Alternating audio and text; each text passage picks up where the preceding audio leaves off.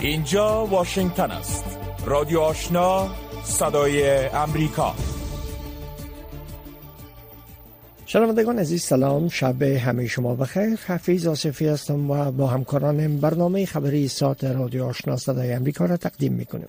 در سرآغاز برنامه خبری ساعت توجه کنین به تازه ترین خبرهای افغانستان منطقه و جهان که رویا زمانی به توجه میرسانه. با تقدیم سلام. همزمان با گزارش های از اخراج شمار از دانشجویان دختر از لیله پنتون کابل. برخ زنان معترض در کابل دست به تظاهرات زده و گفتند که تحصیل خط سرخ دختران افغانستان است.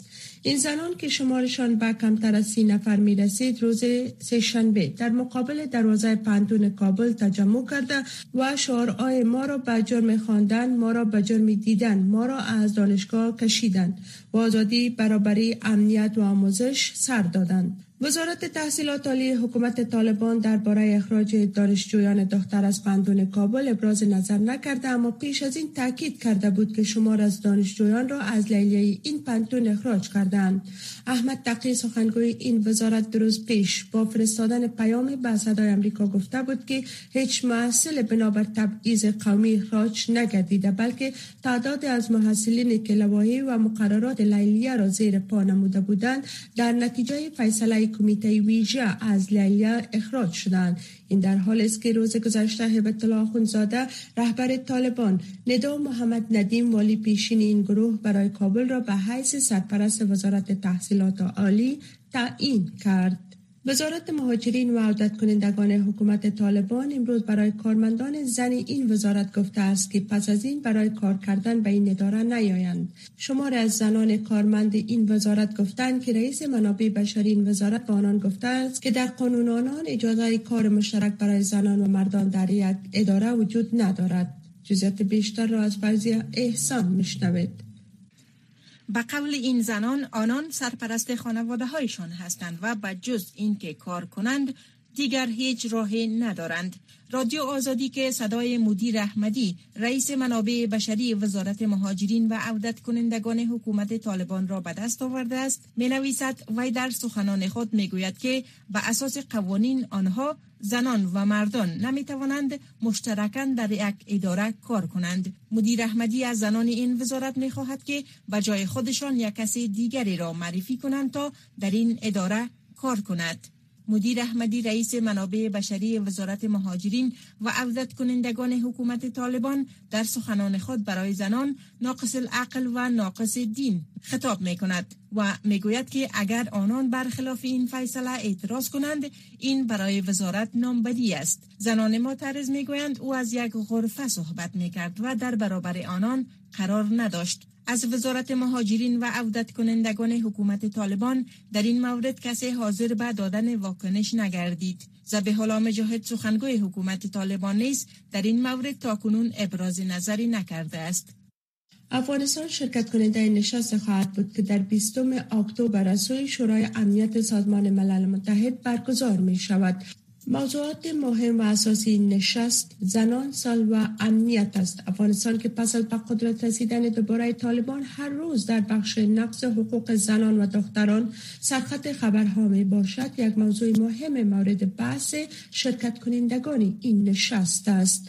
نصیر احمد فایق سرپرست نمایندگی دائمی حکومت مخلوع افغانستان در سازمان ملل متحد امروز شنبه بر رادیو آزادی گفته که شرکت کنندگان این نشست وضعیت زنان و دختران افغان را مورد بررسی قرار داده و در مورد راه های حل مشکلات موجود فرارای آنها بحث می کنند.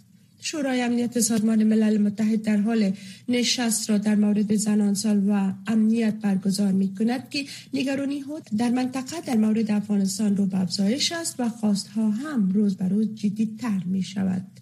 طالبان ادعا می کنند که در عملیات تصفیهی در پنجشیر بیش از چل جنگجوی گروه مخالف موسوم به جبهه مقاومت ملی را کشته و اضافه از یکصد تن دیگرشان را اسیر گرفتند. حکومت طالبان در این حال می‌گوید که عملیات تصفیهی در ولایت پنجشیر پایان یافته است. این عملیات از دو روز به این سو در مناطق کوهستانی در ولسوالی های رخت در و اسارک دوام داشت. زبی الله مجاهد سخنگوی طالبان امروز شنبه در این مورد گفته است که جنگیان مخالف در چندین نقطه دست به حملات زده بودند آقای مجاهد دیروز در حساب تویترش همچنان از این خبر داد که 101 جنگجو مخالف دیگر را سیر گرفتند. جبهه مقاومت ملی برادی آزادی گفته که طالبان بر برخ از مناطق حمله کرده بودند که با مقاومت جدی روبرو شدند. سبقت الله احمدی یک از سخنگویان جبهه مقاومت ملی هم در صفحه تویترش کشته شدن هشت تن از اعضای این جبهه را پس از اسارت به سوی طالبان تایید کرده و آن را خلاف موازین اسلامی انسانی کنونسین سوم جنوا و جنایت جنگی خوانده است. آقای احمدی همچنان ادعا کرده است که 32 نفر از قطعات خاص عمری و بدری طالبان را در روز سهشنبه در جریان حمله به ولایت پنشیر کشتند حکومت آلمان برنامه جدید دو ساله را برای تخلیه افغانهای در معرض خطر از افغانستان روی دست گرفته است. وزیران داخل و خارجه آلمان نوقت روز دوشنبه گفته است که بر اساس این برنامه اولویت به افغانهایی است که پس از حاکمیت طالبان بر افغانستان در یک سال گذشته در معرض تعدید قرار گرفته باشند. خبرگزاری روی ترز به نقل از مقامات آلمان نوشته است که از طریق این برنامه جدید هر ماه یک هزار افغان را با خانواده هایشان میپذیرند. مقامات آلمانی گفتند که این کشور تعهد است تا 38 هزار افغان را که در معرض تهدید قرار دارند از افغانستان تخلیه کند. خبرگزاری روی طرز از قبل مقامات این کشور گفته است که آلمان در یک سال گذشته 26 هزار افغان را که با تهدید مواجه بودند از افغانستان تخلیه کرده است. اس جی شنکر وزیر خارجه هند به تازگی برای آوردن صلح و ثبات در افغانستان بر روند مصالحه به رهبری مالکیت و تحت کنترل افغان ها تاکید کرده است. آقای شنکر روز گذشته گفته است که رویدادهای غم در افغانستان رخ می‌دهد اما هند این را تعیین کرده نمی‌تواند که در افغانستان چی رخ می‌دهد. افغان ها باید این را برگزینند که در افغانستان چی باید شود. اسجی شنکر با اشاره به حقوق زنان دختران و اقلیت ها از تمام جهاتی که در میدان سیاست قرار دارند خواسته است. برای صلح و یک آینده مسئول به شمول برای برآورده ساختن آرزوهای تمام مردم افغانستان مشترکاً کار کنند. شما به اخبار منطقه و جهان از رادیو آشنا صدای امریکا گوش می‌دهید. اعتراضات محصلین و شاگردان در مناطق مختلف ایران از جمله اردبیل و شهر کرد نیز ادامه یافت. رادیو فردا بخش فارسی رادیو اروپای آزاد بر اساس ویدیوهای منتشر شده در شبکه های اجتماعی روز دوشنبه از گسترش ادامه اعتراضات در مناطق مختلف ایران گزارش داده است. پس از آنکه مهسا یک دختر جوان ایرانی در توقیف نیروهای ارشاد جان داد اعتراضات در سراسر ایران آغاز شد که از چندین هفته به این سو ادامه داشته است. محزامینی زایرن به دلیل رعایت نکردن حجاب بازداشت شده بود. سازمان عفو بین الملل، سازمان دیدبان حقوق بشر و گروه های دیگر نگرانی عمیق خود را نسبت به بسیج نیروهای امنیتی برای سرکوب مظاهرات ابراز داشتند. سازمان حقوق بشر در ایران که مقران در اسلو از روز گذشته گفت که کم از کم 215 نفر به شمول 27 طفل در جریان این تظاهرات و ناآرامی ها جان باختند. وزیر خارجه ایالات متحده ناوقت دیروز اعلام کرد که امریکا پنج رهبر الشباب و نه تن از حامیان مالی این گروه را درج فهرست تروریست های بین المللی کرده است. آنتونی بلنکن ناوقت روز دوشنبه در توییتر نوشته است که ایالات متحده پنج تن از رهبران الشباب و نو تمیل کننده مالی این گروه را من حیث تروریست های بین المللی تشخیص داده است وزارت مالی ایالات متحده آمریکا نیز تایید کرده است که شمار از افراد عالی رتبه گروه الشباب را درج فهرست تروریست های بین المللی کرده است. این وزارت همچنین گفته است که تعداد از افراد میانه رتبه این گروه را که بین تندوان الشباب و شرکت ها من حیث رابطه فعالیت داشتند در این فهرست شدند حملات هوایی نیروهای روسی امروز شنبه برق و منابع آب را در یک از شهرهای اوکراین که بارها بمباران شده بود قطع کرده و تاسیسات حیاتی انرژی را در سایر جاها مختل ساخته است. ولادیمیر زلنسکی رئیس جمهور اوکراین با محکومیت این اقدام روسیه آن را به عنوان یک کمپاین سری روسیه برای سرق دادن اوکراینی ها به هوای سرد و تاریکی خواند که به گفته رئیس جمهور اوکراین مذاکرات صلح را غیر ممکن می‌سازد. ولادیمیر زلنسکی رئیس جمهور اوکراین گفت که نزدیک به یک سوم دستگاه های برق اوکراین در هفته گذشته تخریب شدند که این امر باعث بی برقی گسترده در این کشور شده است. رئیس جمهور زلنسکی تایید توییت نگاشته است که جایی برای مذاکره با پوتین باقی نمانده است. سلسله حملات با استفاده از میزایل ها تیاره های بدون پیلوت و دیگر نوع سلا مرحله جدید را در تهاجم نزدیک به هشت ماهه ولادیمیر پوتین رئیس جمهور روسیه باز کرده است زیرا زمستان در حال رسیدن است. تازه ترین شهری که برق و آب خود را از دست داده ژیتومیر بود که پایگاه های نظامی صنایع باغ های سرسب در آن موقعیت دارد و نزدیک به 250 هزار نفر در حدود 140 کیلومتری غرب پایتخت کیف در آن زندگی می کنند. رهبران اتحادیه اروپا در طول این هفته وارد تلاش های بسیار مهم شدند تا اطمینان حاصل شود که قیمت بی ثبات انرژی و کمبود منابع بیشتر باعث وخامت اقتصادی نشود در این حال آنها تلاش کردند تا این اتحادیه 27 عضو همبستگی را در مخالفت خود با ولادیمیر پوتین رئیس جمهور روسیه متحد نگه دارند. قبل از آغاز یک جلسه کلیدی روز پنجشنبه کمیسیون اجرایی اتحادیه اروپا امروز شنبه در حال ارائه طرحی شده است که جناهای مخالف را که روی نگهداشت و کاهش قیمت نفت با هم موافق نیستند گرده هم بیاورد. قبل از آخر هفته رهبران اتحادیه اروپا به دنبال یک توافق در جریان دو روزه این اجلاس می باشند. هرچند گفته می شود که ممکن این اقدام با مشکلات زیاد همراه باشد. و خبر اخیر این که استرالیا امروز شنبه گفته است که غرب بیت المقدس را به حیث پایتخت اسرائیل بر رسمیت نمی‌شناسد و به این ترتیب تصمیم جنجال برانگیز حکومت محافظه کار پیشین کشور را محکوس کرد. بنی وونگ وزیر خارجه استرالیا گفت که وضعیت بیت المقدس باید از طریق مذاکرات صلح میان اسرائیلی ها و فلسطینی ها حل شود نه از طریق تصمیم های یک جانبه تصمیم حکومت استرالیا در سال 2008 در این, در این خصوص موجب ایجاد تنش با اندونزیا پر جمعیت ترین کشور اسلامی نیز شد. این اقدام حکومت پیشین استرالیا موجب شد تا یک توافق تجارت آزاد میان دو کشور به طور موقت لغو شود. شنونده های محترم این بود مشروع خبرها تا این لحظه. از امواج رادیو آشنا صدای امریکا. شنوندگان گرامی رادیو آشنا صدای امریکا. نشرات رادیو آشنا را در موج متوسط 1296 موج کوتاه 11575 اعشاری صفر و در موج 972 کیلوهرتز شنیده می توانید. خبرهای افغانستان منطقه و جهان از رادیو آشنا صدای امریکا شنیدین. آل هم گزارش های ای برنامه. مسئولان محلی طالبان در ایرات میگن که برای درمان معتادان در ولایت با کمبود بودیجه روبرو هستند. اونا در حال از نبود بودیجه و امکانات برای تداوی معتادان سخن می‌زنند که میزان معتادان در شهر در حال افزایش است. سید عارف قتالی در این مورد گزارش میده. با گذشت روز شماره معتادان در ولایت هرات افزایش مییابد. چنانچه در کوچه و پس کوچه این شهر معتادان به چشم می‌خورند. آنان بیشتر جاده های عمومی را مکان امن برای استعمال مواد مخدر انتخاب می کنند. در مزدهمترین نقاط شهر پیش چشمان مردم و مقام های حکومتی مواد مخدر دود می کنند. یعنی بم ایران که برسیدم اونجا و مو اتاق مجرتی دیگه شروع شد دیگه مثلا شو جمعه مثلا بزی اتاق برو کیالا عرقه بخورو شو دیگه جمع بزرگ تا مثلا سیگاری بکش.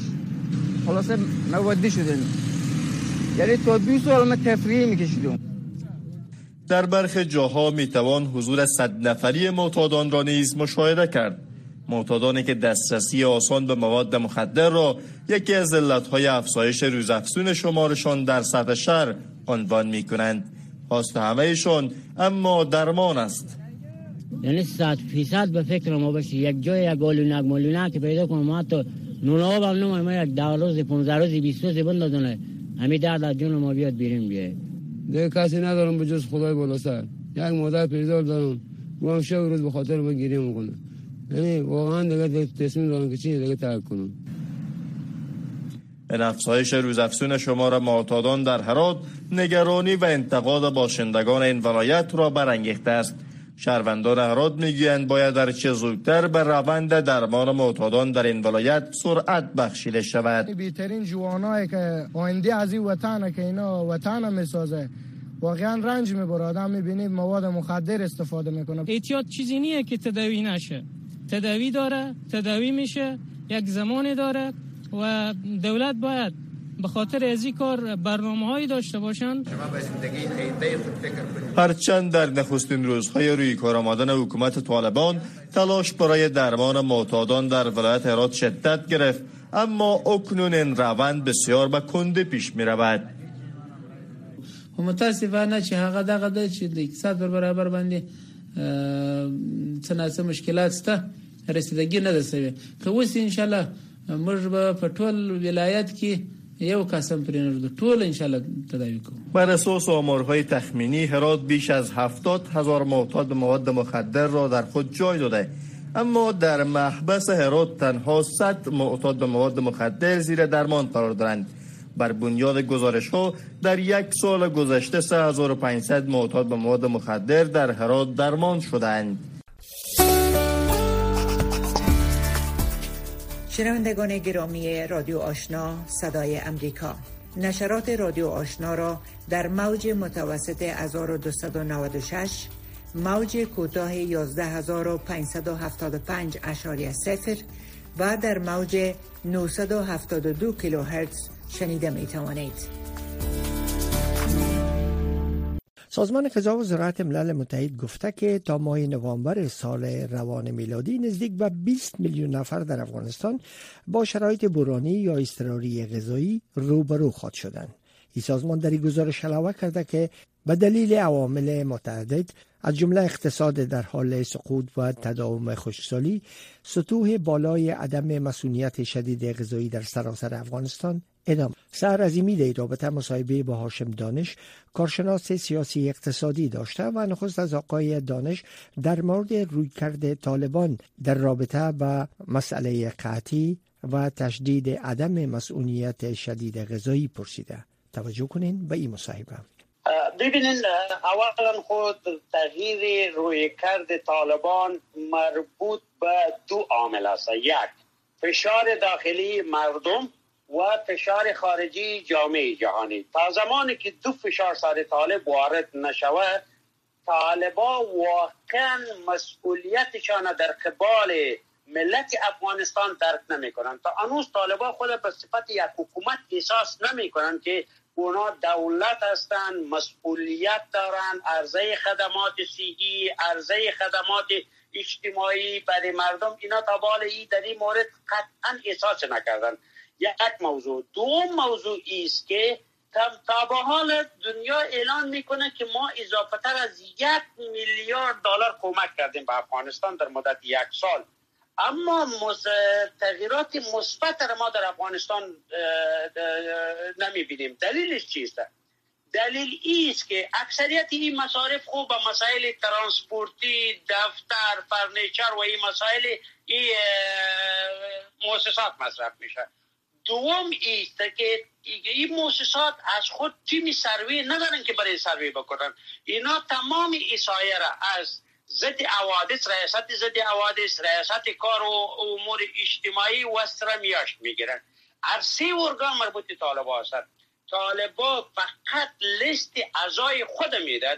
ولی تمام مردمی که به این فقر و بدبختی دوچار هستن از این کمک ها قطعا نمی‌تونن به او دسترسی پیدا کنه که یکی از عوامل عمدهش است که تغییر مثبت در زندگی مردم به وجود نمیاد. یکی از مواردی که شما هم برش اشاره کردن موضوع شفافیت رسیدن کمک ها به مردم افغانستان هست. و نظر شما این روند چطور می‌تونه اصلا شفاف باشه؟ ببینین در وقت جمهوریت افغانستان یکی از فاسدترین ممالک دنیا از نظر فساد اداری بود. اولا جامعه جهانی باید به این متوجه باشند که به یک, به یک مملکت کمک می‌کنند که یک سابقه فساد بسیار گسترده را داشتند. در انتخاب افراد بر مؤسسات باید بسیار دقت داشته باشد. افراد ملبس به فساد ملوث به فساد نباشند و مفسد نباشند. یک دوم ای که سرویر اینا کوشش بکنن که تیمای خود ایجاد بکنن سروی بکنن و با کسایی که محتاج هستند سومین و اساسی ترین مسئله است که مطابق نیاز مردم بر از اینا باید کمک صورت بگیره مردم نان خوردن نداره اینا کمپل کمک می‌کنن. مردم نان خوردن نداره اینا قلم و کتابچه کمک می‌کنن. پس باید نیاز مردم را یگانه اشتباه جامعه جهانی در مدت 20 سال حکومت گذشته هم امی بود که کمک ها مطابق نیاز مردم صورت نمی گرفتن مطابق پروپوزال خودشان صورت می گرفتن به این لحاظ دیگه وقتی که یک نفر نان خوردن نداره تو کوت زمستانی را برش میدی؟ یا تو مثلا بوت زمستانی را برش میدی؟ او تابستان هست تو او تو چیز را برش میدی؟ یا نفر مثلا زمینه برای کار و برچی وجود نداره تو وسایل کاری را برش میدی؟ اول باید نیازمندی های اشد مردم یعنی به خاطر نجات از بحران بشری باید درک بشه و مطابق نیاز مردم با در نظر داشت. دو فاکتوری که پیشتر گفتیم می‌تونه کمک ها موثر واقع شد با توجه به بحران اوکراین چطور فکر می‌کنن امکان داره که توجه را به موضوع گرسنگی و, و قحطی در افغانستان جلب کرد؟ در حالی که تمام کمک های جامعه جهانی فعلا متمرکز هست ارائه کمک ها به شهروندان اوکراین. ببینین از نظر سیاسی او موقعیت جیوپولیتیک افغانستان فعلا هم برای هم برای روسیه هم بر چین هم برای هند هم بر امریکا و کشورهای غربی افغانستان در جایگاه خاص خود قرار دارد. یعنی تغییر به وجود نامده که توجه. اما در بیرون رفت از بحران اصلا به دنیای بحران بشری ارزش ندارد. اگر ارزش داشته باشد آیا این 45 مملکتی که اضافه تر از دو تریلیون دلار را کمک کردن و وقتی که بیرون میشن 95 درصد مردم زیر خط فقر قرار می‌گیرن قابل خجالت نیستن. اینا نباید خجالت بکشن که چطور تریلیون ها دلار در اونجا کمک شد ولی در ساختار زندگی مردم تغییر به وجود نامد شما این را می‌تونین بکنید که مثلا در یک سال مردم دفعتا 95 درصد زیر فقر بره. خوی اقتصاد پوکانهی قدرت پوکانهی حکومت پوشالی که سوزن ازت انفجار کرد اما کل مردم حالت عادی خود گرفت. پس جامعه جهانی باید درک بکنن که 20 سال هم مطابق یکی به ساختارها توجه بکنه به خاطر بیرون رفت از بحران ها و جلوگیری از بحران ها این توجه نشدن. اما بر فعلا افغانستان مرکز تقاطوی تضادهای دنیا هست توجه می‌کنن. امیدوارم که از جای توجه نظامی و سیاسی به بحران بشری هم همچنان توجه صورت بگیرد رادیو آشنا صدای امریکا هفت روز هفته. خبر و گزارش ها و تحلیل های خبری روز. پس از سقوط رژیم جمهوریت و تسلط طالبان در افغانستان خبرنگاران افغان که با رسانه‌های مختلف کار می‌کردند مجبور به ترک کشورشان شدند. شماری از این خبرنگاران در پروگرام تخلیه از افغانستان خارج شدند. اما اکثر دیگری از کارمندان رسانه‌ای و یا خبرنگاران که فرصت رفتن به کشورهای غربی را نداشتند و کشورهای همسایه مثل ایران و پاکستان مهاجرت کردند. شکریه صدیقی یکی از خبرنگاران است که یک سال قبل به پاکستان مهاجرت کرده. او در مصاحبه با فوزی ایسان گفته که با مشکلات زیادی توانسته خود و خانواده خود به پاکستان برسانه و اما در حال حاضر با مشکلات اقتصادی گریبان گیر است. توجه کنین به این مصاحبه. شکریه جان صدیقی. تشکر از وقت یک کمی درباره سفرها و مهاجرت پر از چالش هایتان بگوین چگونه به پاکستان رسیدین؟ چه وقت رسیدین؟ طوری که شما در جریان هستین در آگوست 2021 طالبا افغانستان تصرف کردن. و ما هم به عنوان خبرنگارایی که در اونجا فعالیت داشتیم و خصوص موضوعات جندر بیشتر تحت پوشش قرار می‌دادم. به حال دیگه نتونستم در افغانستان بمانم. مجبور شدم که افغانستان را ترک بکنم. من اگر خواسته باشم این رو به تصویر بکشم که چه قسم از افغانستان بیرون شدم. این کلا یک داستان است یک کتاب است. اگر مختصر کنی مشکلات را که دیدی. من وقتی از مرز عبور کردم بیشتر از هزاران نفر در مرز پرخم به انتظار خروج به دخول به پاکستان بودن متاسفانه من شب حتی به دروازه ترخم با اطفال خود خوابیدم که من موفق شدم فردا. یا روز از مرز بگذرم و داخل پاکستان شم این بسیار طولانی هست. من زجر کشیدم واقعا. حتی شوهر از دست طالبا در اون مرز لد خورد. اولادای من کلا تروما دیدن در اون صحنه. یادآوری از حتی باعث میشه که من نتونم صحبت بکنم. من تقریبا یک سال میشه داخل پاکستان هستم. در اکتبر 2021 من پاکستان آمدم. متاسفانه در پاکستان زندگی بسیار دشوار است. به خصوص برای قشت خانم. اگر خواسته باشن زندگی بکنن و کار بکنن کار برای خانم ها مهیا نیست. و خصوص به ای که ما اصلا زبان اردو را نمی‌فهمیم. یک موضوع موضوع دومی که ما ویزای پاکستان نداریم. پاکستان برای ما ویزا نداده. یعنی ویزای ما را تمدید نکرده ما کارت یونیسیار نداریم. یعنی به عنوان یک مهاجر غیر قانونی فعلا ما داخل پاکستان زندگی می‌کنیم. و این بسیار دشوار است برای همگی ما. قشت خبرنگار برای فعلا داخل پاکستان مقدار پولی که با خود از افغانستان آوردن مصرف می‌کنن.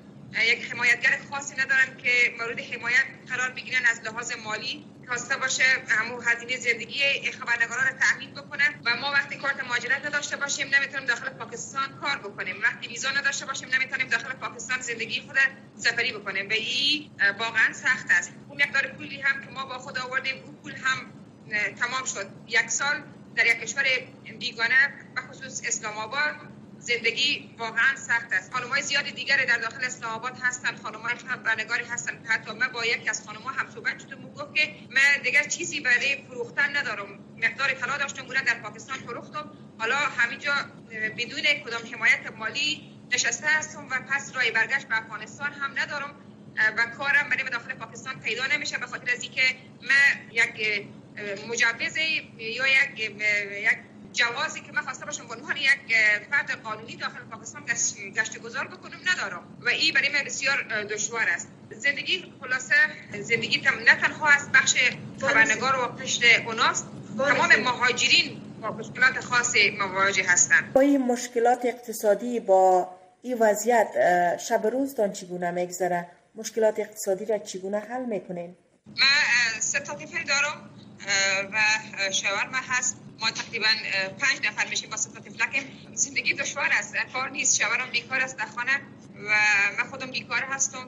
اگرچه شرایط کاری گاهی مهیا میشه ولی متاسفانه به خاطر از اینکه ما تمدید ویزا نداریم و کارت یونیسیا نداریم زیاد نمی‌تونیم از خانه بیرون بشیم. شما خبر داریم که در در اواخر دولت پاکستان اعلان کرد که افراد یا مهاجرین غیر قانونی به خصوص افغان ها در داخل پاکستان در ختم سال 2021 اگر دیده شوند در داخل پاکستان به سه سال زندان محکوم میشن. و ما از این لحاظ نیمه از خانه بتونم بیرون بشم و نم شوهر می‌تونه از خانه بیرون بشه. این نهایت شرایط سخت داریم سفری می‌کنیم. هر دو نفر ما. با که من یک خانم فعال بودم در افغانستان بیشتر از 13 14 سال من کار رسانه‌ای انجام دادم ولی برای فعلا در, در پاکستان بیکار هستم. و مثل من خانم های زیادی هستند در داخل پاکستان خبرنگارای زیادی هستند در داخل پاکستان و همون مقدار پولی که با خود آورده بودن در داخل پاکستان اون مقدار پول هم مصرف شد چون بیشتر از یک سال هست که در داخل پاکستان هستند و تا به حال نتونستند که برای فعلا برای علاوه مشکلات اقتصادی مشکلات روحی روانی همگی دارن. افسردگی پیدا کردن. بیشتر از خانمایی که در داخل پاکستان هستند خانمای خبرنگار و مهاجرین خودت گفتی بیکار هستی شوهرتان بیکار است زندگی را با کدام پول چگونه پیش می‌بره ما مقدار پول داشتیم با خود آوردیم که متاسفانه یک زندگی جیر بندی را سفری کردیم که خواستیم این پول زیاد مصرف نشه همه قدر بشه که ما بتانیم مدت در داخل پاکستان بمانیم. متاسفانه او پول هم خلاص شد و برای فعلا از افغانستان زنگ می‌زنیم از احمد محمود و قوم خش مقدار پول می‌گیریم در داخل پاکستان مصرف می‌کنیم. چون دیگرای برگشت هم افغانستان نیست.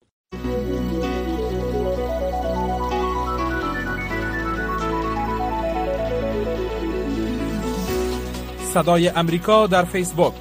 facebook.com voa دری.